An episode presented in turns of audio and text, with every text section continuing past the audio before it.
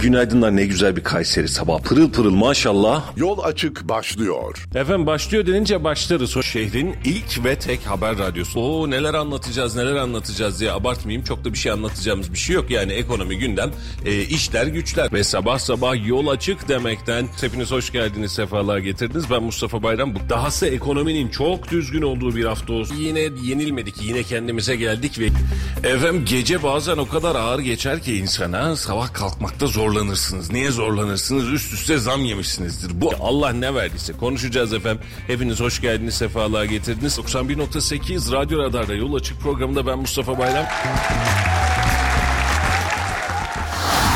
Radyo Radar yol açık başlıyor.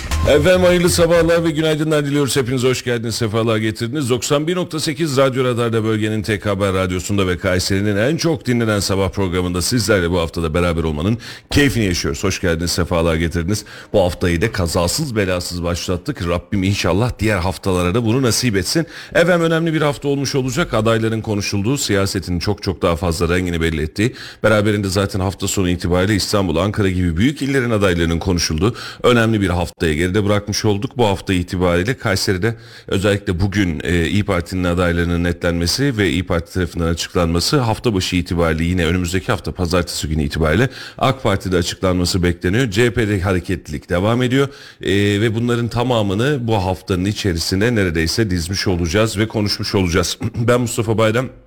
Yayında sağ olsun beni yalnız bırakmayan Sayın Halil İbrahim Öztürk ve Sayın Ahmet Billor'la beraber bugün de 9'a kadar sizlerle birlikte olacağız. Efendim hoş geldiniz, sefalar getirdiniz. Günaydın, günaydınlar, hoş bulduk efendim, iyi haftalar. Günaydın, hayırlı sabahlar. Efendim kısa bir para piyasası turu yapalım ardından da gündeme doğru geçmek istiyorum. An itibariyle dolar kuru 29 lira 79 kuruşa, euro ise 32 lira 64 kuruşa yükselmiş durumda. Altın ons fiyatında hafif bir gerileme var 2035 dolar seviyesinden şu an itibariyle işlem görüyor. Brent petrol ise korkulu seviyelerin bir miktar gerisinde 77 dolardan şu dakika itibariyle işlem görüyor. Beraberinde bir e, altının e, serbest piyasasına da bakmak istiyorum. Gram altın e, şu an kapalı çarşıda 2062 liradan satılırken bir çeyrek altın ise 3377 liradan işlem görüyor. Ons fiyatındaki gerileme altına yaradı. Altın alıcısı için bir fırsat daha oluşturdu gibi görünüyor. Borsa İstanbul Cuma gününü 7628 bu- puanla kapattı. Özellikle hafta sonu gerçekleşen e, daha doğrusu yılbaşından önce gerçekleşen ani ve kırılgan düşüşü bir miktar kendi üzerinde toparlamaya çalıştı. Bu hafta itibariyle rengini belli edecek ve muhtemelen yukarı doğru bir pozisyon alacağını Borsa İstanbul U100 endeksi etkisinde e, yukarı doğru bir yön alacağını yeniden 8000 puanlar seviyelerini deneyeceğini ve geçeceğini tahmin ediyoruz. Yatırım tavsiyesi değildir. Kripto para piyasasında ise Bitcoin 43.629 dolarda e, 44 bin hatta 45 bin dolarlar seviyesini zorlamıştı. Ama şu an itibariyle geçtiğimiz yıla nazaran çok iyi bir seviyede E, ama önümüzdeki günleri de yine orada da sabırla beklemek lazım. Efendim ekonomi gündemi e, çok hareketliliğini bıraktı. Birazcık daha siyaset gündemine geçti ve Cumhurbaşkanı Erdoğan 26 kentin belediye başkan adaylarını açıkladı hafta sonu itibariyle. Haliç Kongre Merkezi'nde en büyük beklentimiz Kayseri üzerinde de bu açıklamanın yapılmasıydı. Kayseri'nin de bu açıklamada yer almasıydı ama Kayseri'nin açıklamada yer almayacağını Cuma günü itibariyle geçmiş ve sizleri de haberdar etmiştik. 26 kent hangileri bunları da isterseniz izninizle saymak istiyorum. İstanbul Murat Kurum'la açıklanmış oldu. Ee, Murat Kurum eski Çevre Şehircilik Bakanı Mehmet Öztüsekin'in bıraktığı dönemden sonra Murat Kurum gelmiş. Murat Kurum bırakınca da yeniden Mehmet Öztüseki ile devam etmişti. 76 doğumlu Ankara doğumlu bir e, Murat Kurum e, var karşımızda. Cumhurbaşkanlığı Hükümet Sistemi Kabinesi'nin ilk Çevre ve Şehircilik İklim Değişikliği Bakanı e, imiş Murat Kurum'da. Genç bir isim ve muhtemelen de kulisleri heyecanlandıracak. Yorumlayalım mı yoksa direkt sadece bilgilendirme yapıp geçelim mi sevgili dostlar? Bilgilendirelim sonra üzerine konuşalım. Peki. Aydın'da Mustafa Savaş, Balıkesir'de Yücel Yılmaz, Bursa'da halihazırdaki belediye başkanı Ali Nur Aktaş, e, Denizli'de Osman Zolan, Erzurum'da Mehmet Sekmen, Eskişehir Nebi Hatipoğlu, Nebi Hatipoğlu İyi Parti'den milletvekili seçilmişti. Daha sonrasında AK Parti'ye geçmişti. Şu an itibariyle de e, yine bir milletvekili olarak aslında e, dönemini tamamlamış oluyor ve daha doğrusu aday olmuş oluyor. Eğer kazanılacak olursa e, koltuk sayısı AK Parti'de bir adet, İstanbul'da kazanılırsa iki adet gibi etkilenmiş olacak. Kocaeli Tahir Büyük e, Büyük Akın, e, Muğla Aydın Ayaydın, Ordu'da Hilmi Güler, Samsun'da Halit Doğan, Artvin'de Mehmet Kocatepe, Bingöl'de Erdal Arıkan, Bitlis'te Nasrullah Tanglay, ee, Çanakkale'de Jülide İskenderoğlu, Çankırı'da Hüseyin Filiz, Düzce'de Faruk Özlü, Edirne'de Belgin İbab, El- Elazığ, Giresun bunları isimleri tanımadığımız için çok üzerinde durmasak da olur aslında çok fazlaymış. Ee, var mı başka büyük il? Büyük ilimiz yok başka. Şu an itibariyle karşımıza çıkan tablo bu İstanbul'la başlayalım o zaman ne diyorsunuz İstanbul'a? Halil Beyciğim. Hayırlı uğurlu olsun diyelim inşallah. Bu herkes kadar için. cümleyi bunun için mi ettik? Hayırlı uğurlu olsun demek için mi ettik? Ya adaylığı hayırlı olsun. İmamoğlu'na da hayırlı olsun. Onun karşısında başka adaylar kim çıkacaksa hepsine birden hayırlı olsun. Ama ondan sonra icraatlara gelecek olursak işte buna da İstanbul'u karar verecek. Çok daha çok daha fazla konuşacağız bu isimleri. Ee, dün hemen e, açıklanmasından sonra biraz böyle hani şimdiki adı X daha önce herkes hepimizin bildiği ismiyle Twitter. Twitter'da özellikle FETÖ'cü hesaplar bariz belli olan e, yurt dışı kaynaklı hesaplar Murat Kurum üzerine hemen böyle bir 2012-2013'e doğru e, gitmeye başladılar. Hepsini birlikte e, göreceğiz. Önümüzde bir iki buçuk aylık bir zaman var. 2012-2013 derken? O şeyde e, İstanbul e, Büyükşehir Belediyesi'nde kentsel dönüşümle alakalı o zamanlar e, müdürlük vasfındaydı Murat Kurum. O zamanlar yapılan işte yolsuzluk iddialarıyla alakalı Eski defterleri e, eski defterleri hemen şöyle bir 10 yıl 11 yıl öncesine açmaya başladılar. Murat Kurum'un herhangi bir yerde adı geçmiyor. Dün birazcık ona da baktım. E, herhangi bir müşteki değil, suçlu değil, yetki değil, imza yetkisi yok, bir şey yok. Sadece böyle bir şey gibi bilir kişi vasfıyla çağrılan bir iki dosya var. E, bilgisine başvurulan onu hemen ortaya koyuyorlar. İşte e, İstanbul'daki kentsel dönüşümde yolsuzluklar Murat Kurum'un adı geçiyor gibi bir başlıklarla FETÖ'cü hesaplar demiş olduğun gerçekten FETÖ'cü işte Hakan Şükür vesaire gibi mi yoksa onlara yakın olan isimler Yok birebir onunla. Mesela bunlardan en büyüğü herkesin dostum. bildiği e, Suna Varol diye bir hesap var biliyorsunuz. Doktor kimliğiyle e, ön plan çıkıyor ama doktor değil, kadın da değil. Ben bilmiyorum. Bildiğim için söylüyorum. Kadın da değil, Herkesin bildiği değil. dedin de onun için E, değil. Suna Varol'u bayağı bir kişi biliyor ama. Peki. Böyle e, Hakan Şükür'den daha çok FETÖ'cü Hmm. gibi bir hesap. Arkasında farklı farklı böyle bir o da şey gibi. Bu hani e, aklıma gelmeye çalışıyor. Bir FETÖ'cü bir hesap vardı ya sonra çökertildi. Fuat. Avni. Fuat Avni. Fuat Avni benzeri bir grup. Suna Varol'da. Valla e, FETÖ'cüler ister mi istemez mi ya da FETÖ'cü deyince başka bir tablo oluşur mu beni bilmiyorum. E, seni saygıyla e, bu anlamda anlıyorum E, ama şöyle e, şu an itibariyle FETÖ'cü dediğin grup da diğer gruplar da zaten AK Parti tarafından buranın kazanılmasını değil kazanılmamasını ister. Yani bunu mesela CHP'li bir takım hesaplar da bunu söylüyor desek hemen hemen aynı etki. Adamlar zaten istemiyor ama sadece başlangıcına FETÖ'cü hesaplar da bunu istemiyor diye başlayınca sanki FETÖ'cüler istemiyor biz isteyelim gibi olmuş oluyor. Murat Kurum bence değerli bir isim. Ee, bence önemli bir isim. İstanbul için AK Parti'nin kazanabileceği o aday listesinde ben 3 aydır 4 aydır belki de konuşuyoruz. En ideal isimlerden bir tanesi. Çünkü Ekrem İmamoğlu'nun karşısına Binali Yıldırım gibi yaşça farklı kondisyonda birisini getirirsen burada birazcık sancılanırsın ki sancılandı. Ee, ama şu an Murat Kurum özellikle İstanbul'un deprem gerçeği ve kentsel dönüşümle alakalı e, Çevre Şehircilik Bakanlığı'nın ortaya çıkartmış olduğu projeyi devam ettirebilecek, sürdürebilecek biri eski çevre bakanı, biri yeni çevre bakanı sırt sırta verip çok rahatlıkla İstanbul'a başka bir vizyon geliştirebilecek bir pozisyon ortaya çıkartabilir. Acı ama gerçek işte hükümete yakın değilse senin belediye başkanın hükümetten daha az pay alıyorsun kıvamında yıllara sahip bir alışkanlığımız var ve ne yazık ki Türkiye'de ekonomiyi de siyaset yönettiği için durum bu. İşte e, Ekrem İmamoğlu'nun açıklamaları var. Tramvayın parasını şu kadar da şunu şuradan aldılar gibi. Aslı var yok bilmiyorum ama sonuç itibariyle mağduriyeti onlar konuşuyor ama mesela e, Kayseri Büyükşehir Belediyesi de aynı parayı alamadıysa onlar biz mağduruz bize para vermediler demiyor. Bu algıyı bir şekliyle vatandaşa yönlendirmiş oluyoruz. Memlekete hayırlı olsun. E, ama İstanbul üzerinde çok canlı, çok hareketli, çok fazla iddiaların ortaya atıldığı ve Bugünlerde çıkanlar belki akılda kalır ama önümüzdeki özellikle ay sonu itibariyle milyon tane şeyin konuşacağımız ama Nisan ayına geldiğimizde ne konuşmuştuk biz diye bunları unutacağımız bir savaş dönemi tabiri caizse başlıyor. Çünkü siyaset savaşında bir önceki dönemde de aynısı oldu. Konuşulanlar, atılanlar, söylenenler hangisi kaldı ortada? Hiçbiri kalmadı. Mesela bu seçim BK seçimiydi. BK'da olmuyormuş yani öyle de değilmiş. E, dönüyorsun Binali Yıldırım'ın kazandık vardı. E, olmadı e, Yüksek Seçim Kurulu'nun iptali vardı. Şimdi bunları bir şöyle hafızamızda canlandıracak olursak İstanbul üzerinde kargaşası bol, gürültüsü bol ama sonucu itibariyle çok özet bir sonuçta geçti. Ben bu seçimde de kargaşası ve gürültüsü çok bol olacak. İstanbul kazanmak adına çok bol olacak bir seçim sattı bekliyorum. E, şimdiden söyleyeyim hani o, o gün söyleyince birazcık makus ve garip geliyor. Ahlakın ortadan kalktığı, söylemlerde ahlakın ortada kalktığı bir İstanbul seçimi bekliyorum. Yani artık böyle hani az mıydı, çok muydu, doğru muydu, yanlış mıydı demeyi bırakıp tamamen e, algı operasyonlarıyla yürütülecek bir İstanbul seçimi bekliyorum ki şimdiden başladı zaten operasyonları. Onun için de vatandaşa e, sakinlik içerisinde çöpleri kimin alacağını seçmelerini tavsiye ediyorum. Yani Ahmet Bey'in sözüyle. Doğru mu? Öyle doğru. Doğru. Yani burada bir siyasi olarak çok özür diliyorum Ahmet Bey. Siyasi olarak beka meselesi olmadığını biz bir önceki seçimde gördük. Şimdi şunu İstanbullu bunu İstanbul ancak söyler. Ya da Kayar'ın Kayseri'nin adayı açıklandığında da bu aynısı geçerli. Ee, İstanbullu Ekrem İmamoğlu bu işi yaptı. Yapamadı. Çöpümü iyi aldı alamadı. Ulaşımı iyi sağladı. Sağladı. Önceden böyleydi bu dönem böyle.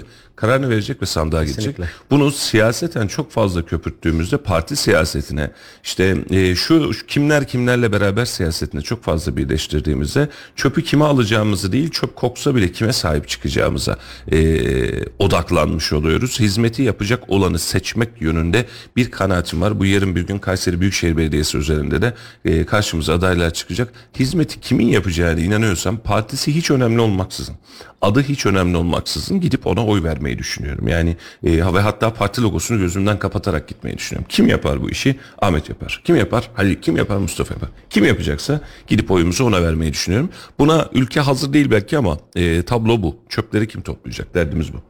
Şimdi Murat Kurum ismi ilk ortaya çıktığında e, paylaşımlarını yaptık, duyurularını yaptık. AK Parti'nin adayı Murat Kurum oldu. Ben yorumlara şöyle bir göz attım hani kimler ne diyor diye. Ee, ulusal medyayı çok fazla takip etmedim ama kendi sayfalarımızda da yani Kayseri'deki insanların ne düşündüğüne bir baktım. Ee, kişisel kanaatim şöyle söyleyeyim Murat Kurum çok böyle şirazesini kaçıran açıklamalar ve siyasetçi profilinde değil benim gözümde. Bugüne kadar da öyle bir background'u yok. Evet, Böyle yani- müthiş siyasetçi ona laf söylemiş CHP'ye laf sokmuş orada daha ortada duruyor. Evet, Yani evet. Yani söylemleri böyle e, dişe diş nasıl diyeyim ya böyle hani şirazesini kaçıracak açıklamalarını hiç duyduğumuz biri değil ama yorumlara da baktığım zaman meşhur e, market poşetinin 25 kuruş e, olmasıyla alakalı olan açıklaması çok fazla ön planda tutulmuş takipçiler açısından. Yani herkes aa bu işte bu market fiyatlarına şey poşet fiyatlarına zam o yapmayan işin diye- sorunu çevre şehircilikteydi ya onun için de onun açıklaması kaldı ortada. çok çok yapışmış üzerine ama hani duruş olarak konuşma olarak böyle beyefendi kimliğinde gördüğümüz biraz önce bahsettiğim böyle çirkin açıklamalarla böyle e, nasıl diyeyim bazı açıklamaları görüyoruz böyle ağzımız ayrık hayretler içerisinde böyle salyalar saçarak böyle saldıran siyasetçi öyle bir profilde değil gördüğüm kadarıyla. Ee, inşallah İstanbullular için kim daha iyi hizmet edecekse o kişi kazanır ve o kişi İstanbul'a hizmet eder diyorum. bürokrat kimliği daha bir ön planda olan bir kişi. Biraz önce söylediğin şey çok e, isabetli bir cümleydi Mustafa. Yerel seçimlerde bakın ulusal genel seçimleri, vekillik, cumhurbaşkanlığı seçimlerinden bahsetmiyoruz. Yerel seçimde kime oy vereceksen sadece şunu düşünün.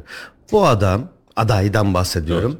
Bağımsız aday olsa partisi yok. Bağımsız adaylığını koydu. Ben buna oy veririm dediğiniz kim varsa gidin ona oy verin.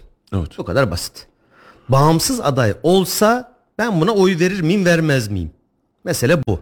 Herhalde partiler üstü düşünüp gerçekten çalışacak insanları seçmemiz konusunda en doğru davranış bu olacaktır diye düşünüyorum. Kesinlikle öyle. Ee, bu yarın bir gün Kayseri'de de geçerli olacak sevgili dostlar. Şimdi Kayseri'de kulis bilgileri de bazı internet sitelerinde bazı haber sitelerinde sanki netlenmiş gibi Memduh Büyükkılıç gösterilmiş oldu. Dün e, muhataplarına da tabii ki sorarak ilerliyoruz. E, haber ilk geldiğinde birilerine düştüğünde bizim de önümüze düşüyor o haber bir şekliyle. E, gerek il başkanı nezdinde gerekse direkt diğer diğer siyasiler nezdinde netleşen bir adaylık yok. Memduh Büyükkılıç bir tık daha yakın gibi duruyor ama netleşen yani yüzde yüz Memduh Büyükkılıç oldu diye bir süreç yok. En azından gelen bilginin içerisinde bu yok ama yakın görünüyor şu an itibariyle. Memduh Büyükkılıç devam ederse ne olur? Memleket hayırlı olsun deriz yani yapacak bir şey yok. Ee, ve burada da tabii ki yine aynı kader yine aynı çizgi. Şehir için ne yaparız? Memleket için ne yaparız? Önümüzdeki dönemde ne yaparız? Buna bakarız. Şimdi şöyle bir e, esinlenmemiz var. Kim aday çıktıysa Kayseri özelinde yıllara sahip yani burada sadece AK Parti yönetti. AK Parti yönetir. AK Parti'den başkası seçilmez gibi bir algımız var. Son 20 yılı hesap ettiğimizde tablo doğru ama bunun öncesini hesap ettiğimizde tablo böyle olmak durumunda değil. Yani bu hepimiz için geçerli. Bunun için siyasetçinin ortaya çıkartacağı proje, söylem, eylem bugüne kadar ne yaptı, bundan sonra ne yapacağı hepimizi bizzat ilgilendiriyor. Ee, bizim buradaki en büyük derdimiz, en büyük e, niyetimiz seçim döneminde de aynı mantıklı olmak üzere hiç kimsenin söz vermediği kadar biz yine muhalefete söz vermeye devam edeceğiz. Niçin? Projeler havada uçuşsun diye. Küfürler havada uçuşsun diye değil. Bel altı muhabbetler havada uçuşsun diye değil. Karşılıklı kişisel saldırılar ortada dursun diye değil. Ama siyasetçi konuştukça, projeler konuştukça, iddialar konuştukça şehir için faydalı olacağı kanaatindeyim. Önümüzdeki hafta pazartesi günde Allah'tan mani çıkmazsa canlı yayında da size ulaştırırız zaten. Ee, Kayseri adaylarının da açıklanmış olduğu toplantıyla tüm Türkiye'deki hem e, aday tanıtımları AK Parti Parti'nin bitmiş olacak hem de beraberinde seçim yerel seçimle alakalı manifesto da ortaya çıkmış olacak. Önümüzde kocaman e, 31 Mart'a kadar gerçekleşecek meydanların süslendiği, mitinglerin yapıldığı, belki de sadece seçimi konuşmuş olduğumuz bir dönemle karşı karşıya kalacağız. Tablomuz bu. Soğukların arasında. Soğuğun arasında Ramazan'ın içinde bir de Ramazan var. Tabii aşağı yukarı kaç gün? 19 gün 20 gün 20 kadar günü da Ramazan'da geçiyor. Ramazan'da geçecek. Yani seçimden Yani önce- Yerel seçimler niye Mart'ta yapılıyor? Ben onu, hala onu 5 anlamış yıllık değilim. görev süresi böyle belirlenmiş. Ee, ben de o anlamda şöyle söyleyeyim. Bir belediye başkanının yaptığı işleri göstereceği en iyi zaman bahardır, yazdır. Hadi bilemediniz sonbahardır. Kış döneminde Anadolu toprağında siz iş filan gösteremezsiniz. Yani karın Yolla- altındasınız. yollar kapanıyor. Hele hele Kayseri böyle bir Türkiye'nin ortası çizin doğuya doğru. Ya yüzlerce binlerce köy yolu kapanıyor. Şehirler arası yollar kapanıyor. Tabiri caizse kar kış kıyamet. Yani oralarda tüm partiler için tüm adaylar için geçerli.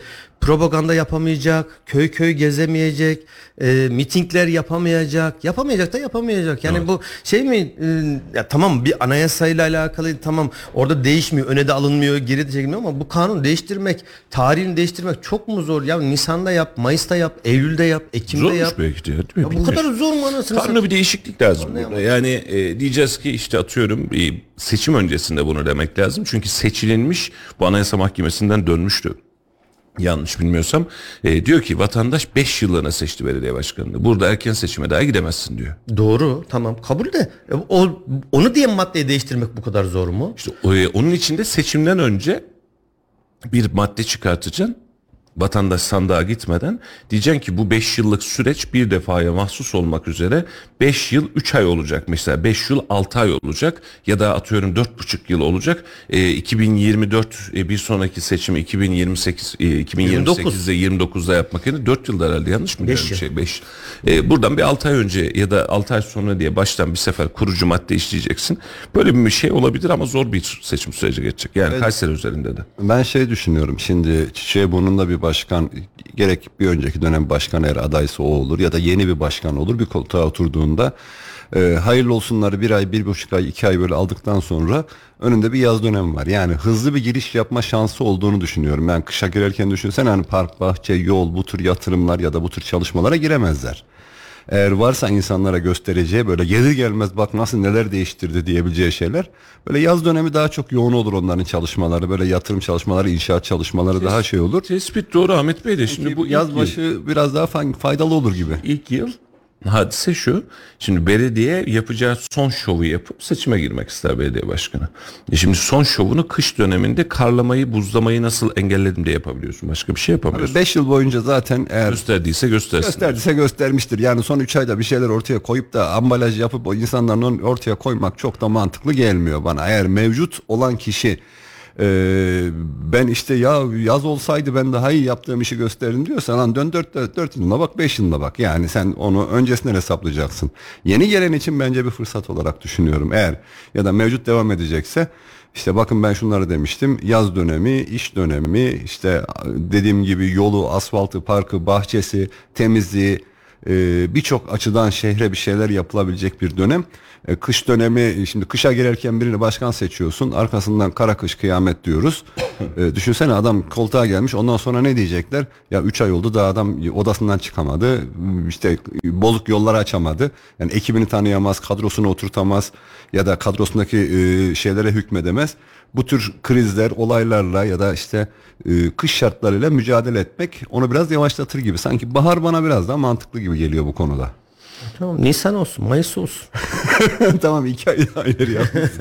Ya kış ama öyle yani şimdi bak Kayseri'de bu sene doğru düzgün kar görmedi ama e, doğuda ciddi anlamda kar olan yerler var. Ulaşımda sıkıntı olan yerler var. Kış görmeyen, kar görmeyen şehirlerde düşündüğün zaman o da çok farklı. Sen sadece lokal olarak düşünüyorsun. O zaman her bölgeninkini ayrı yapmak lazım her Ya şehrinkini. değil tabii ki de neyse bakalım.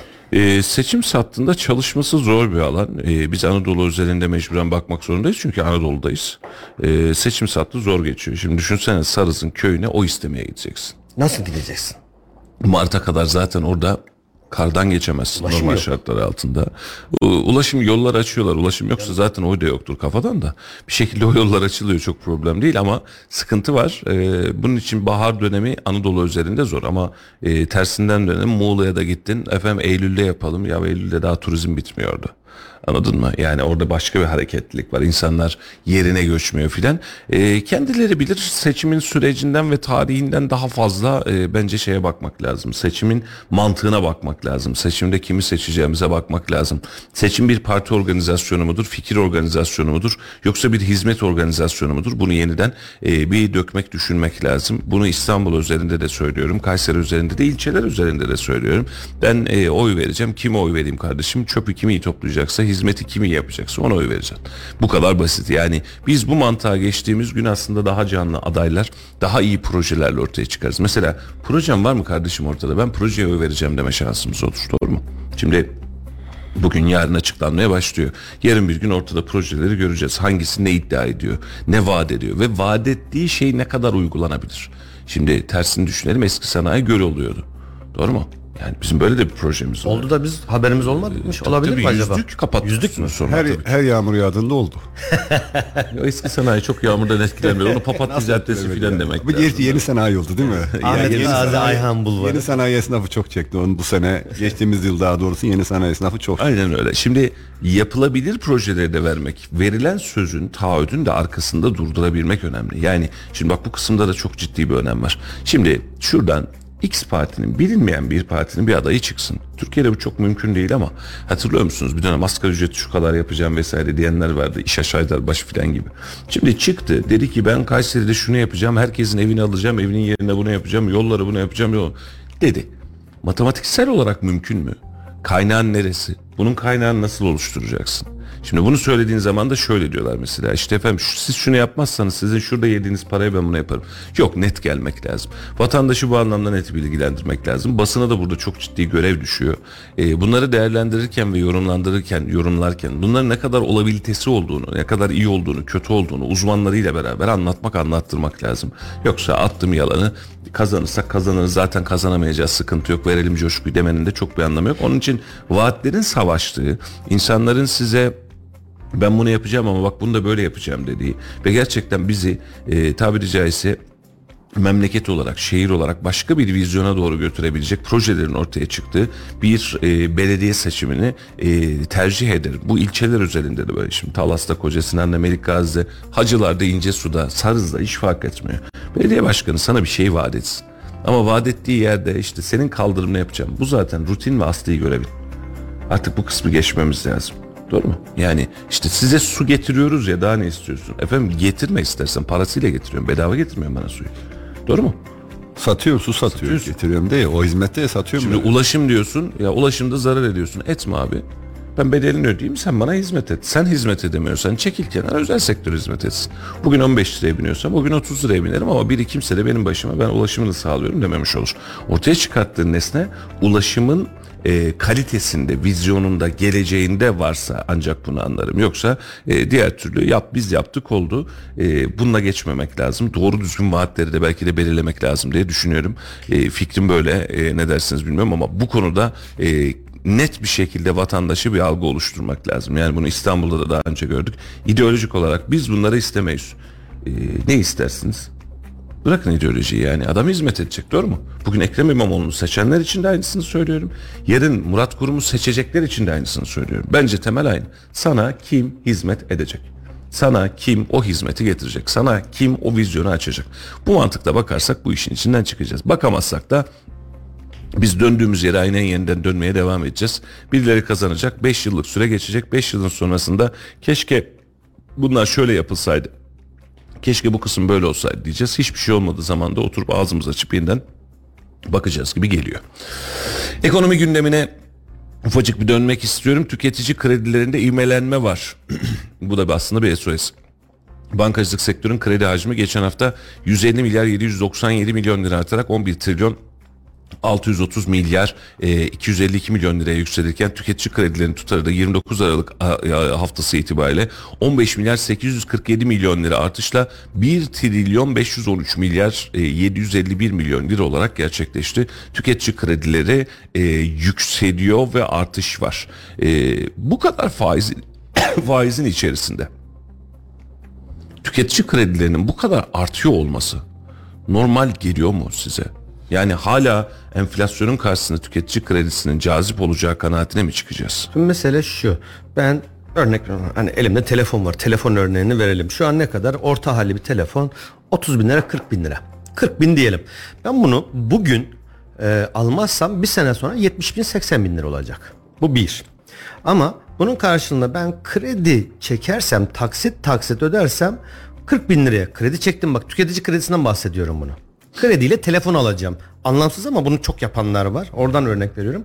Aylık 3 bin lira 4 bin lirayla ben bunu 12 aylık bir krediyle daha uyguna 60 bin liraya bir sene sonra ya da 55 bin liraya mal edeceğim. Ama bu- bunu bugün almazsam bir sene sonra 70-80 bin lira. Bak tüketici kredilerin ana çıkış noktası bu taksitlendirmek, normal alışveriş kredisinden, kredi kartına taksitten bahsetmiyorum. Tüketici kredisini çekerek onu işte vadesine kadar 6 ay, 1 yıl ya da 18 ay.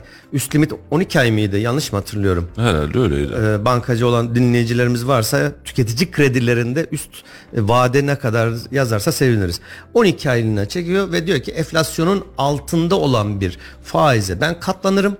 Maliyete katlanırım. Bunun karşına yaparım. Yoksa sana tutup da 1 milyon lira 5 milyon lira tüketici kredisi vermiyorlar. Verdikleri rakam maksimum 100 bin lira 150 bin lira. Ne yapabilirsin Mustafa Bey? Beyaz eşya alırsın. 3 sene önce o paralarla ev almaya kalkardık. O zaman da tüketici kredisini 150 bin lira vermiyorlardı. 5 bin lira 10 bin lira veriyorlardı. E şimdi ne alırsın? Telefon alırsın. Evine mobilya alırsın. Beyaz eşya alırsın. Çok çok bir yerde bir zamanda aldığın bir borç vardır. Sıkıştırıyordur seni. Borç kapatırsın. Başka? Bu kadar. Bu kadar. Başka bir işe yaramaz. Ya araba alamıyorsun. Araba alamıyorsun o rakama. 100 bin liraya araba alamıyorsun. Doğru. Alıp ne yapacaksın? 100 bin liraya aldığın araba sana 150 bin liraya mal olacak. Ama bir sene sonra o araba 150 bin lira olmayacak.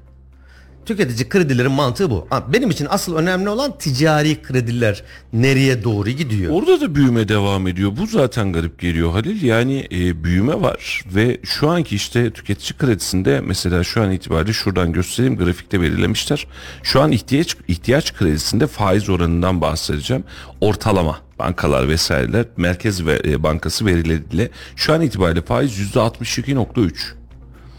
Ticari kredide yüzde 53,5. Bir üç ay vadeli ortalama TL mevduat faizde yüzde 52.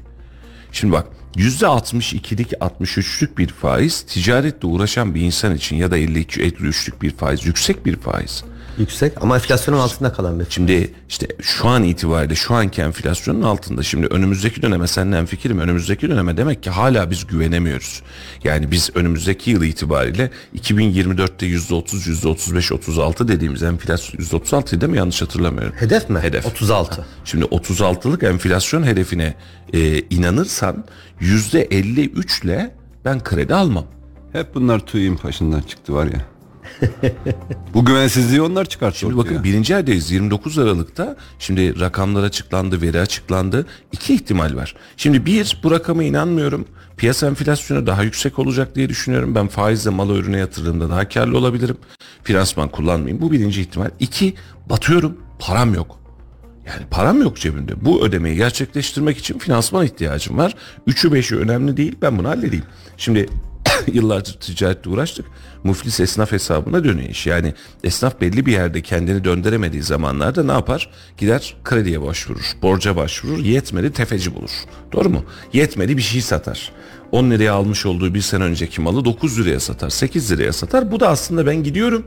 Hoşçakalının bir başka ifadesidir. Sadece süre uzatılır. Yani yapılan büyük yanlışlardan bir tanesidir. Gittiğini görüyorsan bunu sigorta primine çekersin. Elindekinden avucundakinden daha ucuz miktarda e, yok etmezsin ve kalırsın ortada. Şimdi hangisi bunu kestirmekte zorlanıyorum. Benim kaygım burası. Yani şimdi şuysa ben bunu anlarım. Efendim ben bu TÜİK rakamına inanmıyorum. Ben e, bugün itibariyle mal alırsam o gün itibariyle çok daha rahat ederim. Biraz önceki söylediğin yani 30 bin liraya aldığım telefon önümüzdeki sene 70 bin lira olacak diyorsan zaten TÜİK'in açıkladığı hiçbir veriyle alakalı bir işimiz kalmıyor bizim. Şu an faiz oranı bedava. Git şimdi ihtiyacın olan ne varsa al. Hani yeni enflasyon modeli, yeni Türkiye ekonomi modeli budur diyorlar ya hani. E, model ne? Al. Sadece al. Bugün aslında her şey ucuz. Neye göre? Yarına göre. İşte mantık buradan geliyor işte. Ben bugün almazsam yarın daha pahalıya almak zorunda kalacağım. Şimdi ticari kredilerde de şimdi bankalar her gelene kredi vermiyor. Ciddi anlamda sorguluyor. Teminatını alıyor. Yani e, işte adamın işlem hacmi yıllık 10 milyonsa hadi bana 20 milyon liralık bir e, ticari kredi ver dediğin zaman vermiyor. İşlem hacminin %10'u 15'i kadar maksimum oranda veriyor. Yani banka şuna da bakıyor. Ben bu krediyi verirsem bu adam bunu öder mi? Ödeyebilecek gücü var mı? Bu bağlamda da işte anlık para ihtiyacı vardır. Onun, onun için kullanır. Ee, bir yatırım yapacaktır, işini büyütecektir, makine alacaktır. Bunun için kullanır. Ee, ya da biraz önceki gibi ham madde ihtiyacı vardır. Ben bunu bugün almazsam, 10 liraya almazsam kilosunu Evet. ya da metretülünü 10 liraya almazsam bir sene sonra 20 lira olacak. Ben bunu bugünden alayım. Bak biraz önce güzel bir şey söyledin. İşte vatandaş buna inanmıyor.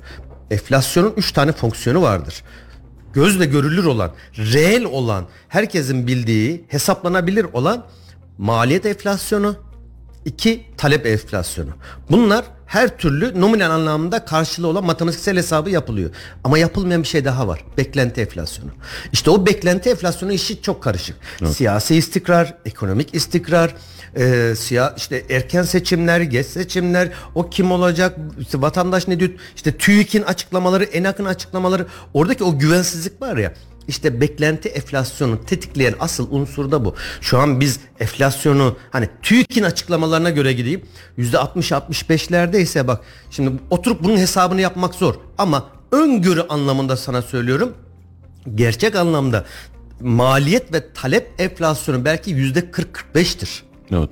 Geri kalan 15-20'lik dilimde tamamen beklenti enflasyonudur. İşte o beklenti enflasyonunu kırarsın. Bu da siyasi istikrarla sağlanır. Sonrasında da üretimi artırırsın ya da talebi kısarsın.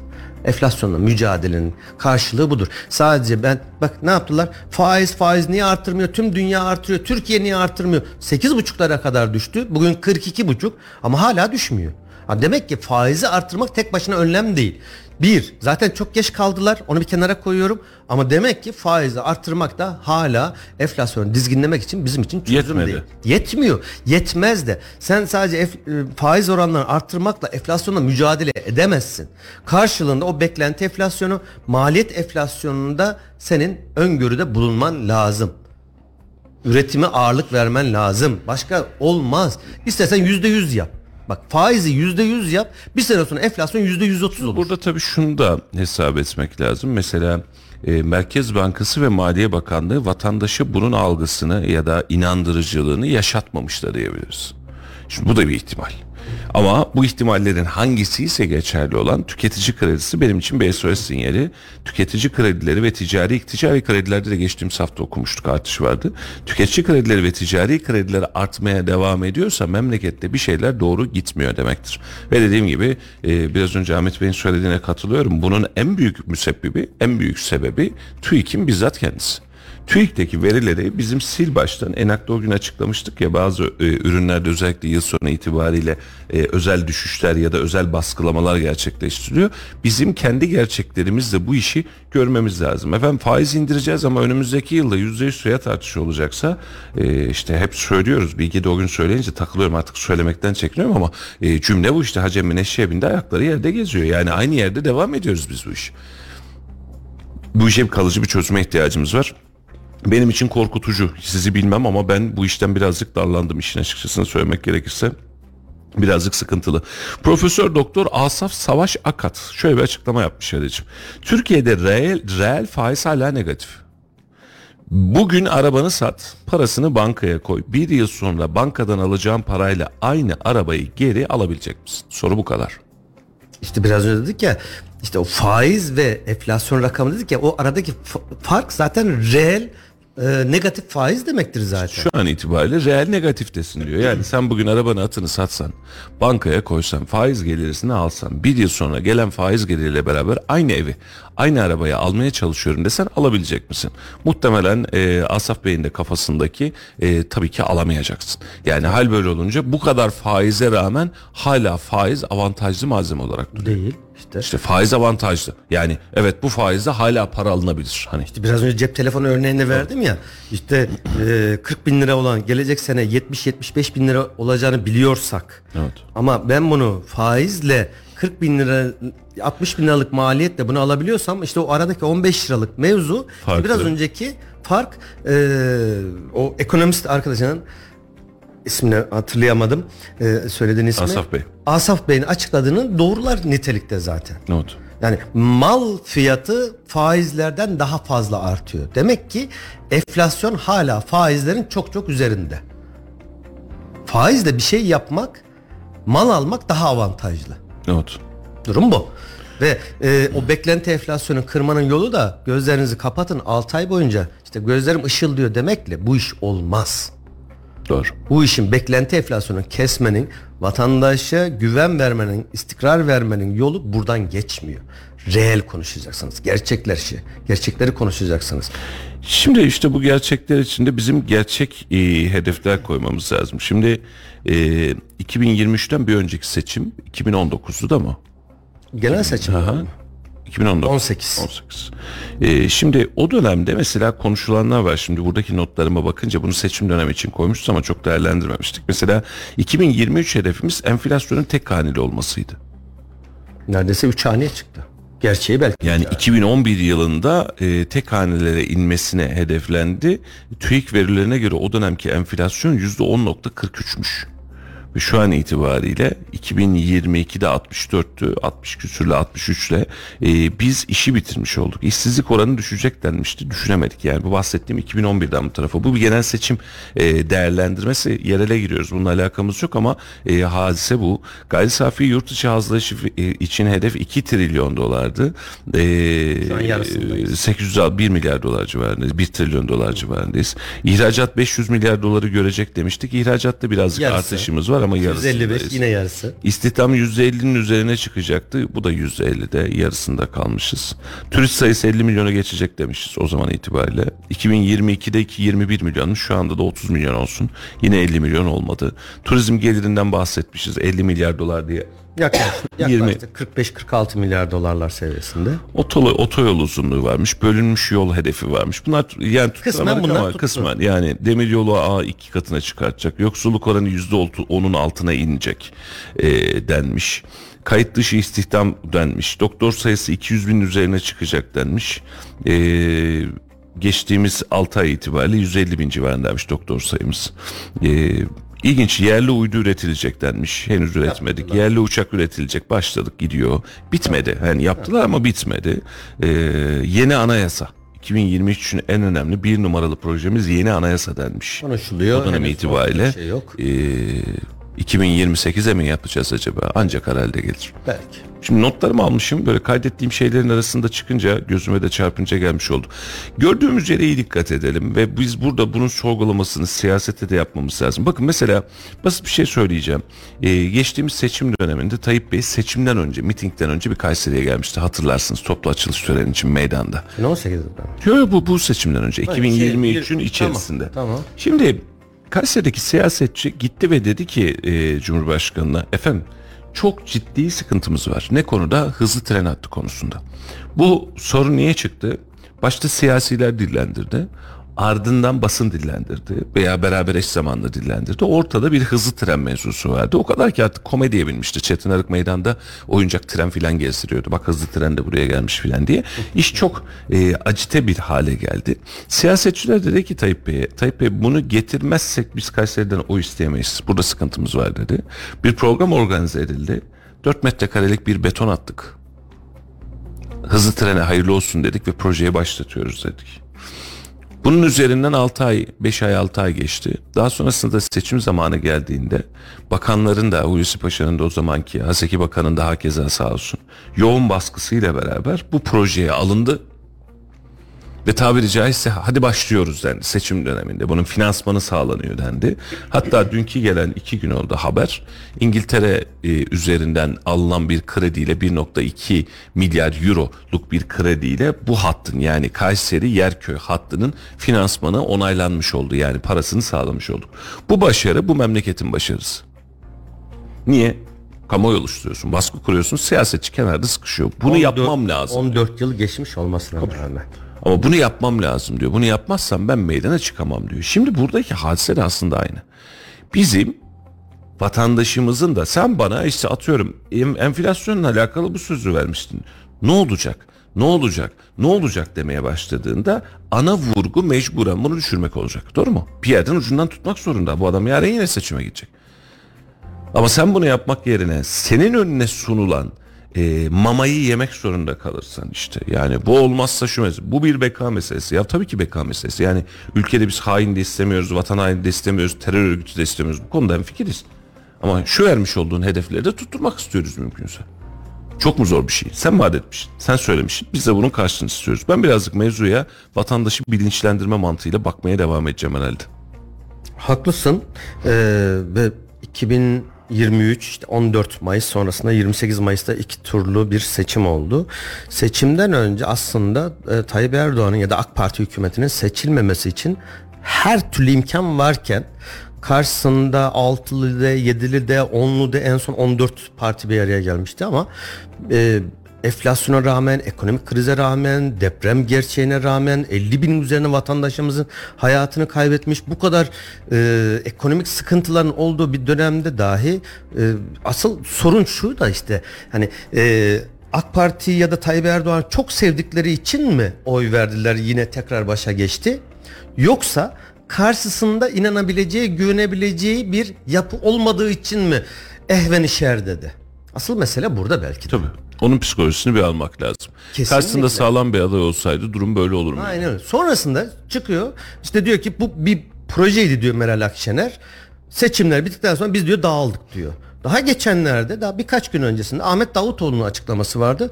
Ben diyor Kemal Kılıçdaroğlu'nu desteklemekte hata yaptım. Benim hatalarımdan biriydi diyor. E, 6 ay önce başka bir şey söylüyordun. Peki ben soruyu Birçok şöyle kişi için sorayım. Arada seçim geçmiş ya şimdi bir şey Seçim kay- geçti artık gerçekleri Kaybettikten sonra herkes mutlaka kendi tabanına bunun bahanelerini bir şekilde sunmak zorunda. Peki sizin hatalarınızın ceremesini Türkiye çekmek zorunda mı? Mesele bu. Bir araya gelemediniz, mat- masaya oturdunuz, masadan kalktınız, bir türlü anlaşamadınız. Yok ona e, bir sürü vaatlerde bulun. Demek ki vatandaş gözünde sen inandırıcı olmadın. Demek ki vatandaş gözünde sen onun Bir de dertlerine bunun- çözüm Bir de olamadığı bunun için seni tam- seçmedi. Bir de bunun tam tersini düşünelim. Ahmet Davutoğlu ve ekibi seçimi kazanmış olsaydı Oo bak sen cümbüşe. o zaman hata yapmışım diyecek miydik? Ama o zaman kazanmış olsaydı zaten hata yapmamış, doğru üzerine gitmiş. vatandaş da bunları seçmiş olacaktı zaten. Zaten bak kritik nokta burası. Hata yaptığınız şey sizin kazanıp kaybetmemeniz değildir. Siz bir işi doğru yaparsınız ve bazen de zarar edersiniz. Bu olur. Ve dersiniz ki ben davamın arkasındayım. Biz vatandaşa kendimizi yeterince anlatamamışız. Vatandaş buna hazır değilmiş ama ben durduğum yerdeyim dersin. Şimdi şöyle bir şey söyleyebilir misin? Sayın Devlet Bahçeli çıkacak. Seçimde kazanamayacak. Kazanamadıktan sonra diyecek ki ben hata yapmışım. Ne konuda? Milliyetçilik konusunda diyebilir mi? Diyebilir mi ya? Diyemez tabii. Şimdi bak bu asli unsurun bu senin gerçeğin. Hata yaptın stratejide hata yapabilirsin. Yani nasıl hata yapabilirsin? Yine Devlet Bahçeli üzerinden vereyim aynı örneği. E, bugün itibariyle ne kadar kıssalarsa ekmek için Ekmelettin diye yola çıktı bu insanlar. Doğru mu? 2014 müydü? Sanırım. Şimdi bak hataysa yani burada hata yaptım ama şimdi durmuş olduğun yer, beraber yol yürümüş olduğun yer, ortaya çıkmış olduğun yer hata yapmana, vatandaşın seni sana inanıp inanmamasında oranında değişebilir. Ama yola çıkıyorsun o gün itibariyle Sayın Ahmet Davutoğlu başta olmak üzere Kemal Kılıçdaroğlu olmazsa olmaz başkası da olmaz diye masaya yumruğunu koydular mı? Koydular. Tüm Türkiye'de yani adamlar artık pankart açıyordu. Kılıçdaroğlu olsun istemiyoruz diye doğru mu? AK Parti'nin önünde bile istemiyoruz diye bayrak açtılar. Evet. Şimdi bu kadar istenmeyen bir adamı ve elinde alternatiflerin var. Bak hala alternatif. Şu an e, Türkiye'nin en büyük seçim bölgesi diyebileceğimiz İstanbul'da hala elindeki malzeme Ekrem İmamoğlu. Sev sevme. Yapar yapmaz ayrı bir hadise. Ama adamda ortalıkta e, bir algı oluşturabilecek yapı vardı. Mansur Yavaş'ta güvenilir bir yapı vardı. Var mıydı? Öbürlerinden daha iyiydi orantısı. Israrla ve inatla niye koymadın? Şu bardağı koysam bardak bile kazanır bu seçim bu kadar garanti diyerek bu kadar kendini garanti görerek nasıl yola çıktı? Yani bugün itibariyle şöyle düşünebilir misin mesela e, Ekrem İmamoğlu garanti alır ya da Murat Kurum garanti alır diye bir şey görebilir misin? Ya Eğer kendilerini bu kadar garantide görmeseler zaten e, sosyal medyada birçok vatandaşın olmasın dediği adamı aday etmezlerdi. Aynen. Ve şimdi oradaki partinin destekleyicisi, parti taraftarı olsun denilip yola çıkınca sesini kesmek zorunda. Çünkü onu yaparsan vatan haini ilan edecektir. Yok kardeşim ben bunu istemiyorum dediğinde senin yüzünden kazanamadık diyecekler. Muharrem İnce son anda masadan bunun için kalkmadı mı? Seçime kaç gün kala iptal etti. Ben aday değilim. Kaybedeceksiniz. Kaybettiğinizi bana yazmayın bari dedi. Buyurun çıkın ortaya dedi. Çok Adamın doğru dediği de doğru bir davranıştı. Dediği de tuttu. Dediği de doğru. Şimdi geçen gün bir yerde e, ismi lazım değil. Çok bilinen bir yer değil. Şimdi Muharrem İnce'yi eleştiriyor. işte ne yapmaya çalışıyor filan diye. Ya kardeşim adam var olduğu kabı sevmemiş. Başka bir kab oluşturmaya çalışıyor. Seversin sevmezsin adam bir şey yapmaya çalışıyor. Ha şu an onu da şöyle söylüyor. Diyor ki işte İstanbul adaylığına Ekrem İmamoğlu'na destek veriyor. E ne var bunda? Yani şunu düşünebilir misin? Muharrem İnce İstanbul'u kazanır şu belediye başkan adaylı. Böyle bir dünya yok ki.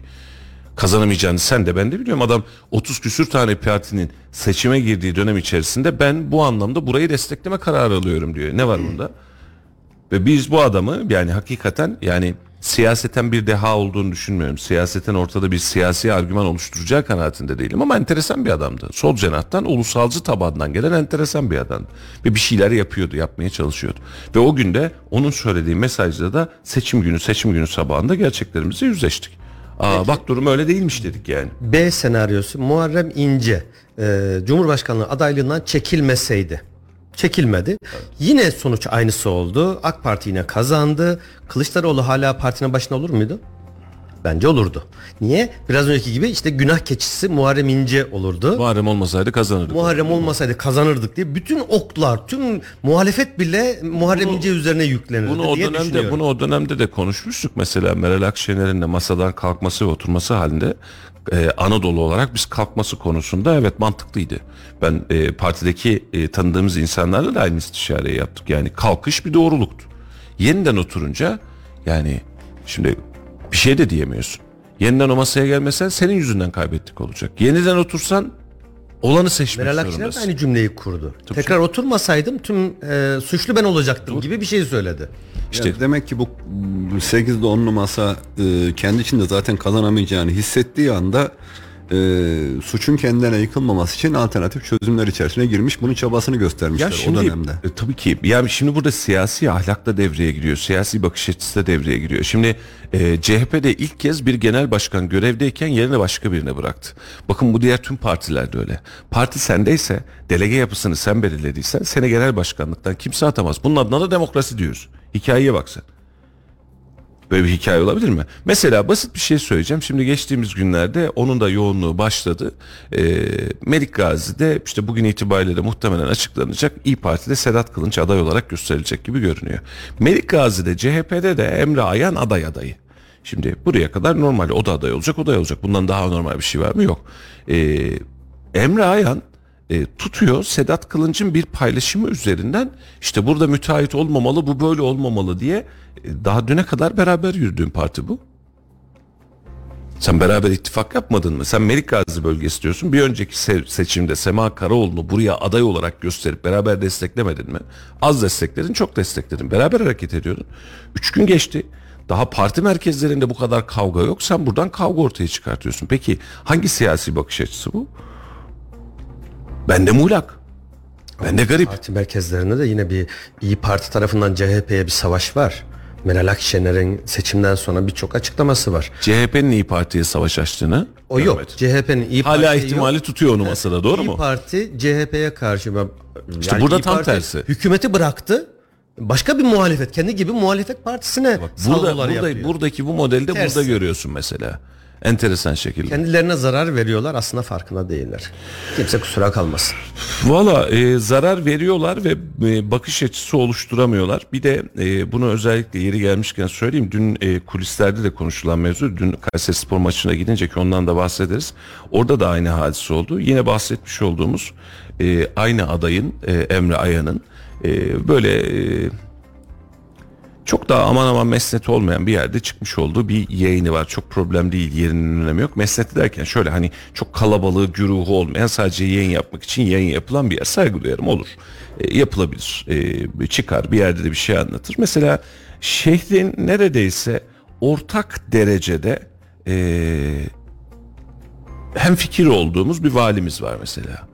Ben bunu CHP ile İyi Parti ile diğer partilerle konuşunca da aynısını alıyorum. Yani bu adam senin bildiğin şov yapıyor dediğin işin yüzde otuzu, yüzde yetmişi senin haberdar olmadığın birçok konuda da parmak basıyor. Şehrin mesela asayişçi mesela. Geçtiğimiz gün basit bir şey söyleyeyim. İşte tüfekli bir okulun üzerinde diye bizim arkadaşlar haber yapmış. Ee, bir programda beraberdik. Özel kalemi geldi. Osman Bey geldi. Abi bunun detayları nedir dedi. Hayırdır dedim. Haberden de haberim yok. Programdayım yani. Arkadaşlar yeni geçmiş. Ee, detaylarını verdik. Aynı gün işlem gerçekleştirildi ve şahıslar alındı. Şimdi bu adam başka bir şey yapıyor ve e, şehrin son 10 yılını, 15 yılını, 20 yılını istiyorsan hesap et. Kaç tane böyle vali gelmiş memlekete? Doğru mu? Yani şimdi adam ortaya bir va- vasıf koymaya çalışıyor ve bunu siyasetten münezzeh yapmaya çalışıyor. Ha şunu söyleyemezsin adama yani bakan gelmiş sen oraya gitme gidecek abi yani Adalet'in bakanı geliyor yani siyaseten sen burada renk verme diyemiyorsun adam renk vermese de devletin bakanı mecbur. Protokol denen bir şey var. Biz bir önceki dönem diyebiliriz, daha önceki dönem diyebiliriz. Şimdi bu adamla alakalı çıkıyorsun. Bu bir balon aslında diyorsun. Allah Allah nasıl bir balon diyor. Ee, mevzuya bakıyorum. Ya bu hale gelmeyelim ya. Gerçekten bu hale gelmeyelim. Bakın e, hükümet olmak isteyebilirsiniz ama devletle oynamayın. Şimdi mesela emniyet müdürünü sevmeyebilirsiniz. Misal veriyorum. Yanlış yaptığını düşünüyor olabilirsiniz. Bunu da anlarım. Emniyet teşkilatına bunu atıfta bulunabilir misiniz? Bu polis sana da bana da lazım. O vali bana da sana da lazım. Yıpratmayın buraları. Ha bildiğin çok açık net bir şey varsa koy ortaya. Meydan yiğit görsün bunu anlarım.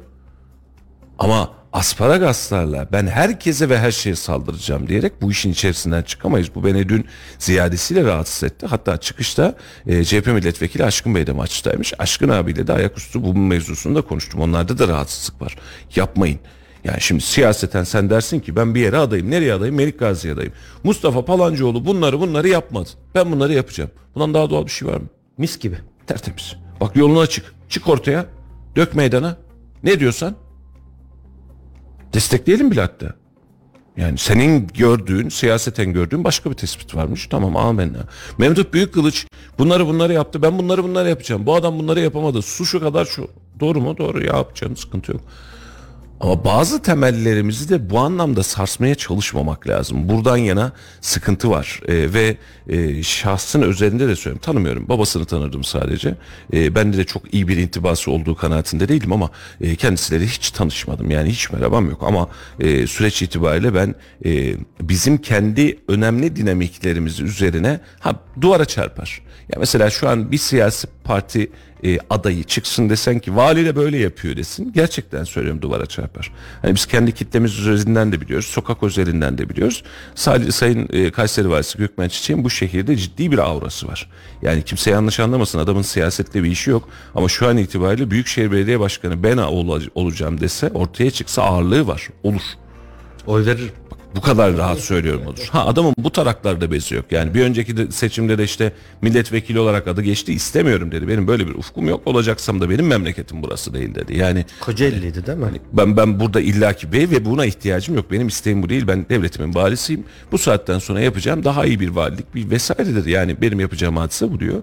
E, sen şimdi bu kadar kamu karşılığı olan birine e, küfredersen küfretmedi de küfredersen bunun karşılığında siz böyle yapıyorsunuz dersen yarın bir gün vatandaş da bunun sana karşılığını verir. Durduğumuz yeri bilelim. Yani bu- Siyaset siyasilerle yapılır. Sen devletinle siyaset yapamazsın. Yani Aynen öyle. devlet devlet e, görevlilerini siyasete alet edemezsin. tabii ki. Siyasetçilerle konuş, siyasetçilerle siyaset yap. Ee, Valla şimdi dediğim gibi hani mesela siyaseten işte Sedat Kılınç'ı eleştiriyormuş. Eleştirebilir. Sıkıntı yok. Yarın bir gün rakibi olacak adam. Bugün itibariyle rakibi olacak. Hatta kendi de eğer aday konulursa. Bunu anlarım. Ama yani bana ona da saldırayım, buna da saldırayım, buna da saldırayım da bu iş çok fazla geçmez. Cepheyi çok fazlalaştırmamak, vatandaşa hizmeti anlatmak lazım, ne yapacağını anlatmak lazım. Siyaset yapılır mı? Tabii ki yapılır ama siyaset dediğin gibi devletin temel birimleri üzerinden yapılmaz. Mesela bir önceki valimizi e, Sayın Şehmuz Günaydın'ı hatırlayalım. E, adam gidiyor diye bir yerlerde davul çaldırıldılar. Bunu da birçoğumuz gördük. Yayınlamadık. Birileri bize küstü. Yine yayınlamadık. Ve onlara da aynı cevap vermiştim. Hala aynısını söylüyorum. Valilik makamını bu hale getiremezsin. Şahıslar üzerinde makamı eleştiremezsin. Eğer bunu yaparsan bir sonraki gelecek vadiye ha sen gitti davul çaldıracağım diye tehdit edebilecek bir pozisyon oluşturursun. Buna gerek yok. Bu doğru bir tavır değil.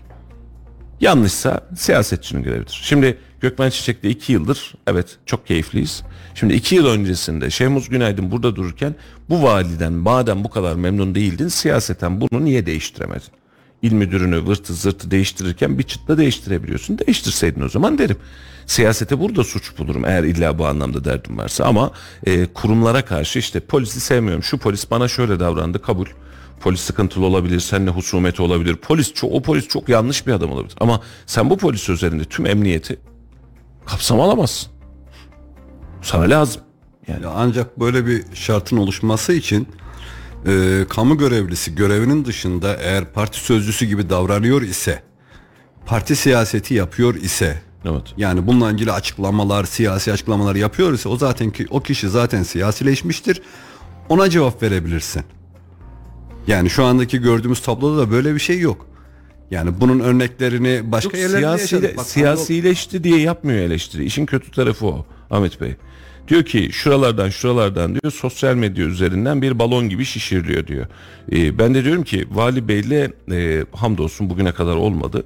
Bir akçeli işimiz yok hamdolsun. Adam bir şey yapıyor. Biz de sosyal medyayız bir taraftan. Biz de destekliyoruz. Yapılan pozitif şeyler varsa anlatıyoruz. Yani bugün soğanlı dediği zaman biz de gidiyoruz soğanlı da program çekiyoruz. Ne bir sinerji oluşsun. Şu an orada balon kalkıyorsa Kapadokya bölgesinden turist geliyorsa oradaki o düzenleme Balon yapılırsa. dedi o balon olmasın sakın. Ha, olabilir.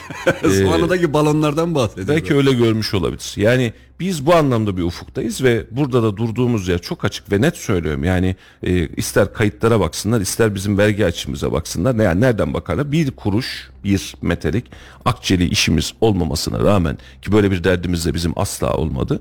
Biz yapılan işi Vali Bey'i hem seviyoruz hem de destekliyoruz. Bu ayrı hadise. Ve bunu niye yapıyoruz? Ben şehrim için yapıyorum. Yani bunu bir ay oldu, bir buçuk ay oldu. Sayın Valim şurada şurada şunlar var dedim. Adam çıktı, gitti, yerinde tespitlerini yaptı. Vali yardımcılarını görevlendirdi. Benim işim de değil, benim de bir kuruş menfaatim yok. Hiç kimsenin, şehir dışında hiç kimsenin menfaati yok. Ve çok hızlı aksiyon alabilen böyle bir insan var karşında.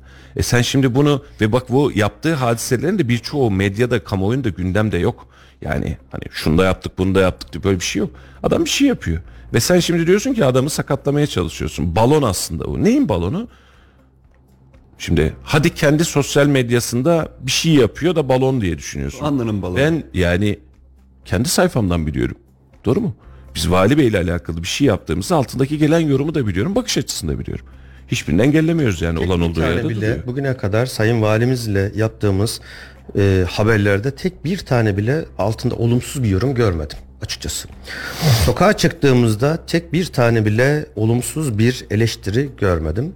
Ben neye benzetiyorum? Teşbihte hata olmasın ama e, 90'lı yıllarda süper vali diye bildiğimiz eski Erzincan valisi Recep Yazıcıoğlu. Allah rahmet eylesin. Allah rahmet eylesin.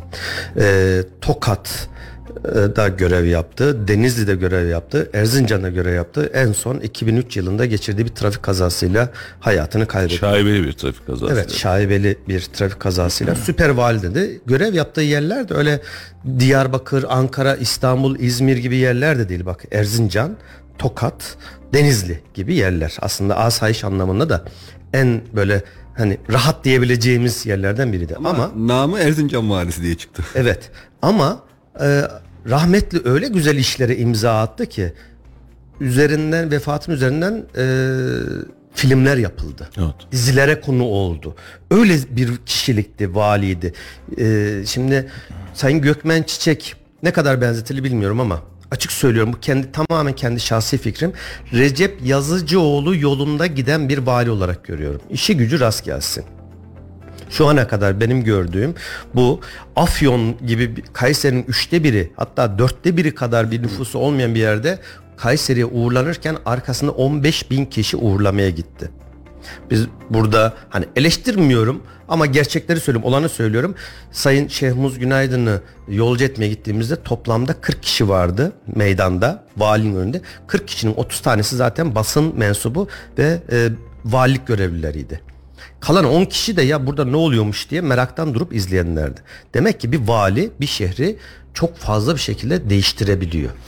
Valla biz e, bunu bizim söylememize gerek yok. Vatandaş bu anlamda hem fikirdir. Adam adam bir şeyler yapmaya çalışıyor ve devletim adına bir şey yapıyor. Siyaseten hükümeti tartışırız, partiyi tartışırız filan bu ayrı bir hadise.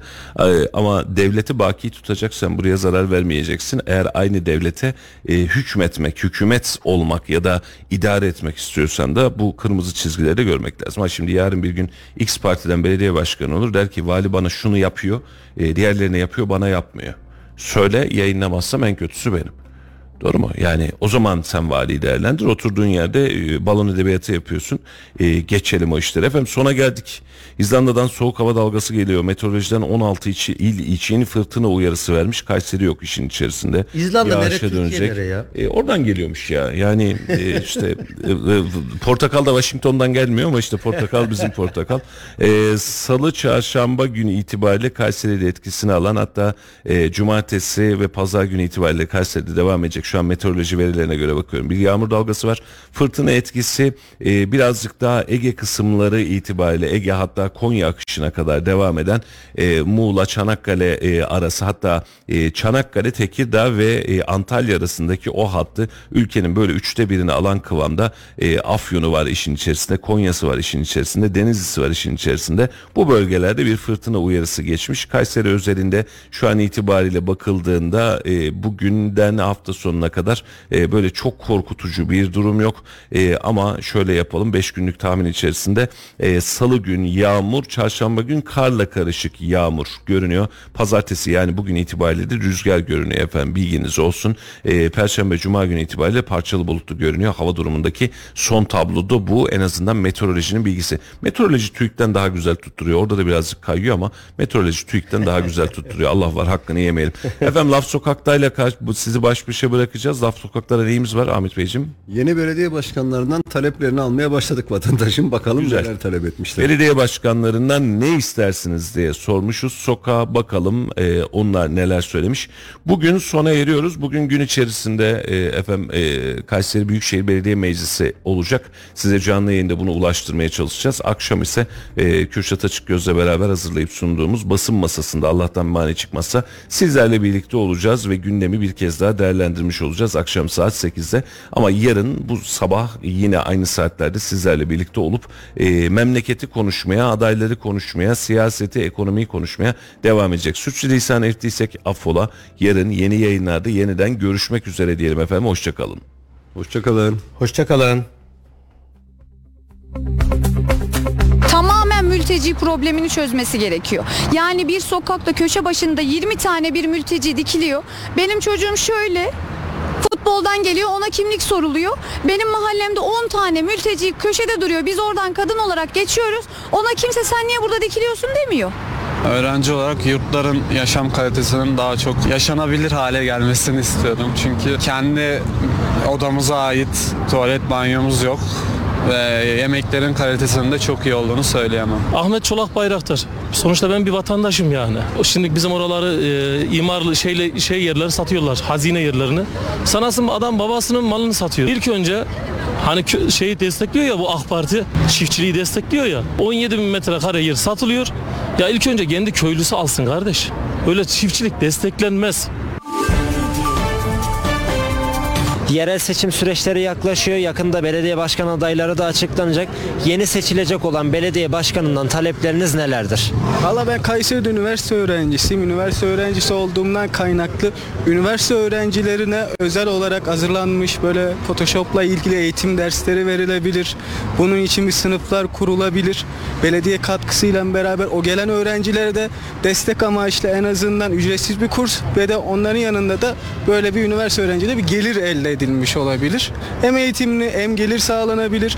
Böyle iki faktörle eğitim amaçlı bir şey yapılabilir. Onun dışında tramvayların biraz daha bir tık daha böyle koltuk sayıları çoğaltılarak en azından engelli vatandaşlarımız ya da yaşlı vatandaşlarımız olsun daha böyle oturabilir bir yerlerde olabilirler, yolculuğunu yapabilirler. Onun dışında eğlence hayatı pek yok. Eğlenceden kastım şu en azından biraz da olsun dışarıdan gelen olarak, turist olarak gelenlere yönelik böyle canlı müzikli mekanların çoğaltılması olabilir.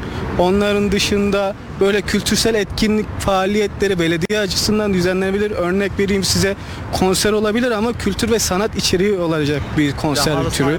çok güzel olurdu Ya bir de halı saha yapılması gerçekten çok iyi olur. Onun dışında Kayseri'nin birden fazla eksiği çok.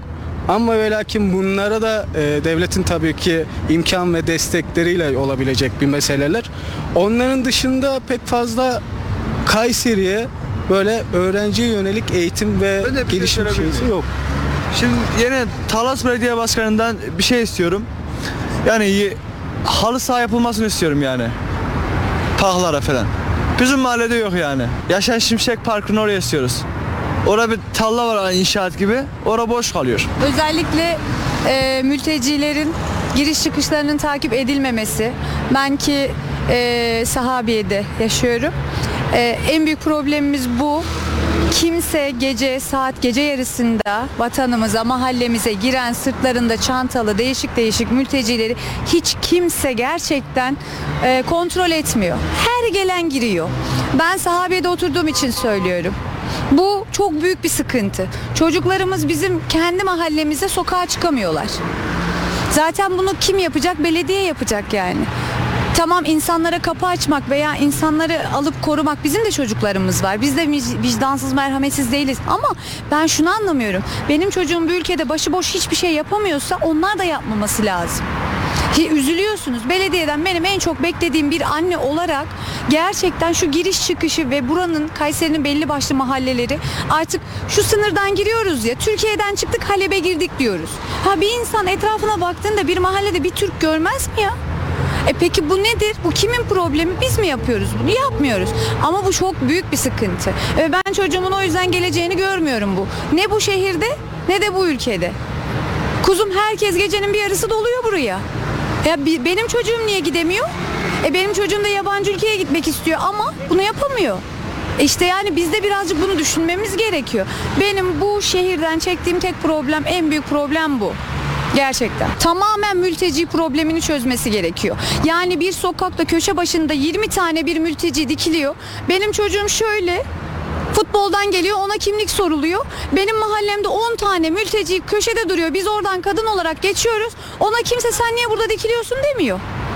E, Bence bunun da gerçekten belediyenin ilgilenmesi gerekiyor. Benim en büyük problemim bu. Çünkü ben o mahallede 15 yıldır oturuyorum.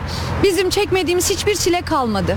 Ve orası Kayseri'nin en nezih caddesiydi. Şu an inanın Halep. Herkes bu adı koymuş yani. Hani bir taksiye biniyorum. Taksi eve geldiğim zaman diyor ki evet Halep sınırlarına girdik. Bu kadar bilinç altında artık. Yani bir şey söylüyoruz ama biz kendi geleceğimiz için, çocuklarımızın geleceği için söylüyorlar. Bir mahalleye bu kadar örgütlenmek mümkün mü? Bana göre bu çok yanlış. Bakın aralarında savaş yapıyorlar, birbirlerini yiyorlar. Bir bakıyorsunuz o köşede arabanın içinde oturuyorlar, birbirlerini çağırıyorlar. Bizde niye böyle bir şey yok? Ya bizim çocuğumuz bir yanlış adım atsa hemen hesap soruluyor. Hemen adalet akla geliyor. Benim en büyük problemim bu. Bu şehirde 20 yıldır gördüğüm tek şey bu. Okullarında yine aynıydı mülteci problemi. Çünkü ben o çocuklara üzülüyorum. Sokakta kalsınlar istemiyorum. Ama çok çarpık yerleşiyorlar. Bir yere tamamen örgüt şeklinde yığılıyorlar. Bir evde 20 tane Suriyeli niye yaşıyor mesela?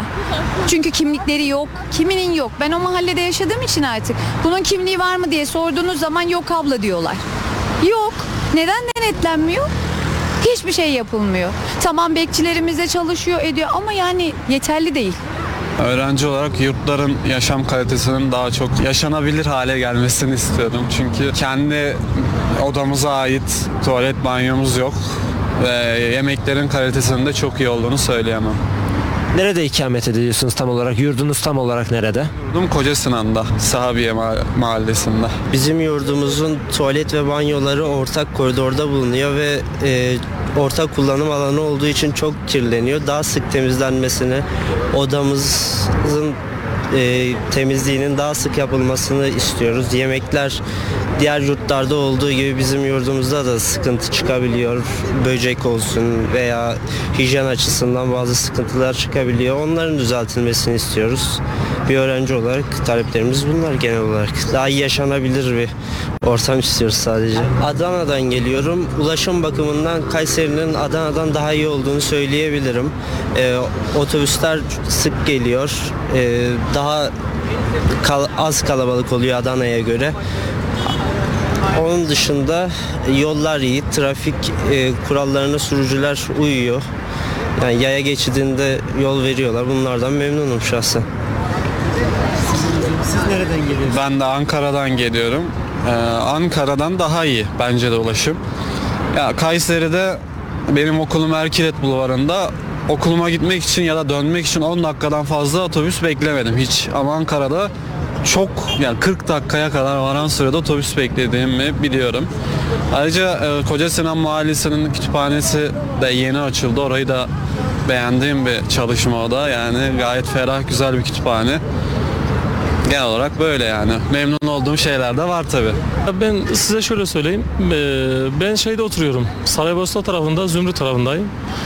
Ee, Belediyecilik olayında ben e, biraz AK Parti'ye şeyim, e, biraz kızgınım. Neden derseniz ben şimdiye kadar benim, benim babam da 75 yaşında. Babam da kızgın, ben de kızgınım. Neden diye sorarsanız bizim yanımızda Hoca Ahmet Yesevi var. Orada arsaları e, 1000 metrede 200 metre alınmış. Bizim orada yüzde 47'si yani 1000 metrenin 470 metresini yani şimdiye kadar bunu bunu neden yapmışlar onu da söyleyeyim. Bizim şimdi oradan bir tane yol geçiyor. Öyle söyleyeyim. Tam havaalanının yanından. Bunu havaalanının yanından 200 metre istimlak etmişti. Belediye bizim tapularımızı tekrardan is, e, hisseli tapuya çekip hisseli tapuya çekip ve ondan sonra şey yapmışlar. Oradaki 200 metre istimlak ediyor ya. Kendilerine oradan da payda çıkartmışlar. 200 metre bizim tekrardan tapularımızın içine oradaki adamları hisseli tapu yapıp bizim 500 metre 1000 metre olan arsamızın yarısını almışlar. Ben burada AK Parti'ye çok kızgınım. Ya bir de sana şunu söyleyeyim ben e, Kayseri'nin Koca Sinan tarafında Yüreğil köyünde köyündenim. Yani öyle söyleyeyim. Ya geçen bizim e, şimdi belediyeler şimdi bizim oralar mahalleye bağlandı. Yüreğil köyü. Sana şöyle söyleyeyim kardeş.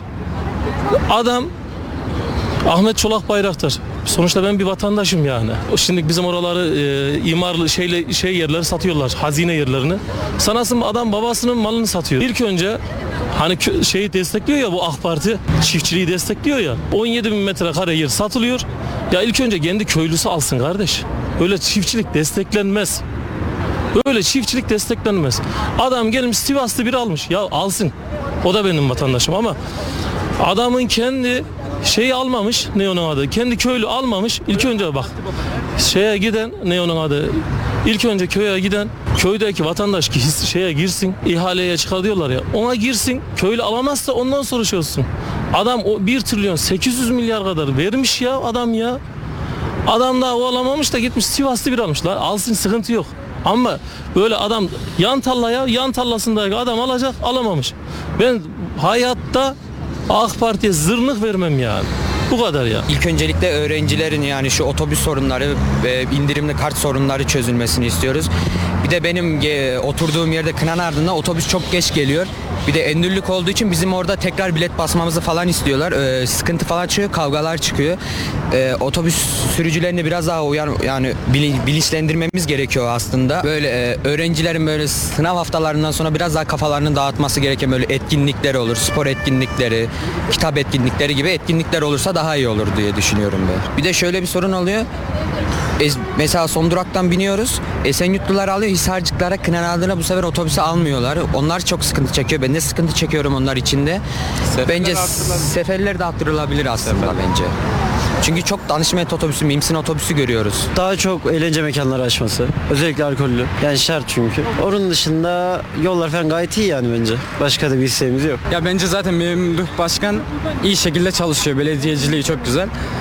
Sadece arkadaşımın dediği gibi Kayseri'yi biraz biraz daha İç Anadolu'nun merkezinde çok iyi bir hale getirmesi gerekiyor. Biraz yani devletin gözetiminde. Bence Memduh Başkan işte böyle alkollü mekanlar açmalı. Yani bence insanlar hani dışarıda bilinmedik merdiven altı yerlerde eğlenene kadar devlet gözetiminde, devletimizin imkanı dahilinde açılan mekanlarda eğlense çok daha güzel olur.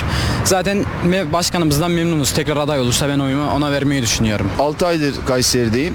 Hiçbir şey yok. Sokak köpeklerinden şikayetçiyim. Özellikle TOKİ bölgesindeki sokak köpeklerinden şikayetçiyim. Belediye konusunda değil mi?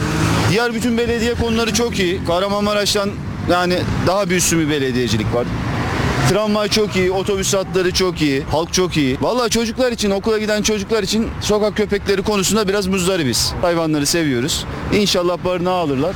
Onun dışında evvelki durumunu bilmiyorum yani. Ben Kayseri'den memnunum. Şu anlık bir talebim yok ve oy kullanmayı da düşünmüyorum açıkçası.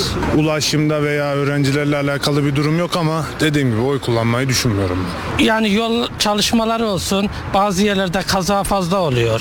Örneğin Alpaslan Mahallesi'nin orada yani ayda bir kaza oluyor. Yani ben orada yaşıyorum. Yani onlara oraya bir üst geçit yapılmasını yani böyle şeylerin gündeme getirilmesini istiyorum yani.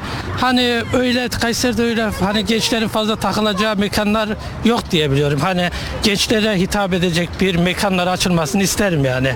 Çarşıya yakın olsun hani ne bileyim mesela eğlence merkezi falan yani hani diğer şehirlerde olduğu gibi. Yurtlar, öğrenci kalması için yurtlar önemli. Eğitimcilere önem verilmesi lazım. Kaliteli hocalar gidiyor. Dolayısıyla e, onlara önem vermeleri lazım. Eğitim. Durum olmayanlara daha çok e, yardım edilmesi. Aynı zamanda gazi yakınlarını ve gazi eşleri, şehit eş, şehit eşi, ailelerine de aynı şekilde yardım edilmesi. Başka da bir beklentim olamaz ya. Belediyelerimiz de gereken yani gerekenleri yaptığını düşünüyorum yani. Öğrencilere bence gereken şeyler yapılıyor yani kütüphaneler falan açılıyor. Belediye başkanından memnunuz yani. Bünyan için. Bu sene Bünyan Belediye Başkanı çalışmadı AK Parti normalde. Değişim oldu zaten MHP'den oluyor da. Bir de kon yollar hep berbat. Yollar biraz yapıldı ama Bünyan çalışmadı. Kayseri Belediyesi biraz çalıştı. Otobüs sıkıntısı var bizim Bünyan'da, koyda. Otobüsler tek çalışıyor. Ayakta gidiyor yolcular. 10-15 kişi. Şey çalışmadı ama bu başkan Eşkan başkan çalışmadı. Öbür başkan iyiydi de AK Parti. Bu fazla çalışmadı. Millet koyda susuz kaldı. Depolarda su bitti. Su sıkıntısı yaşadı Bünyan Karakaya. Ama MHP biraz daha iyi olur ama MHP'de biraz daha değişim iyi olur. MHP'de Bünyan değişti ya. Ha Kayseri iyi, Büyükşehir iyi.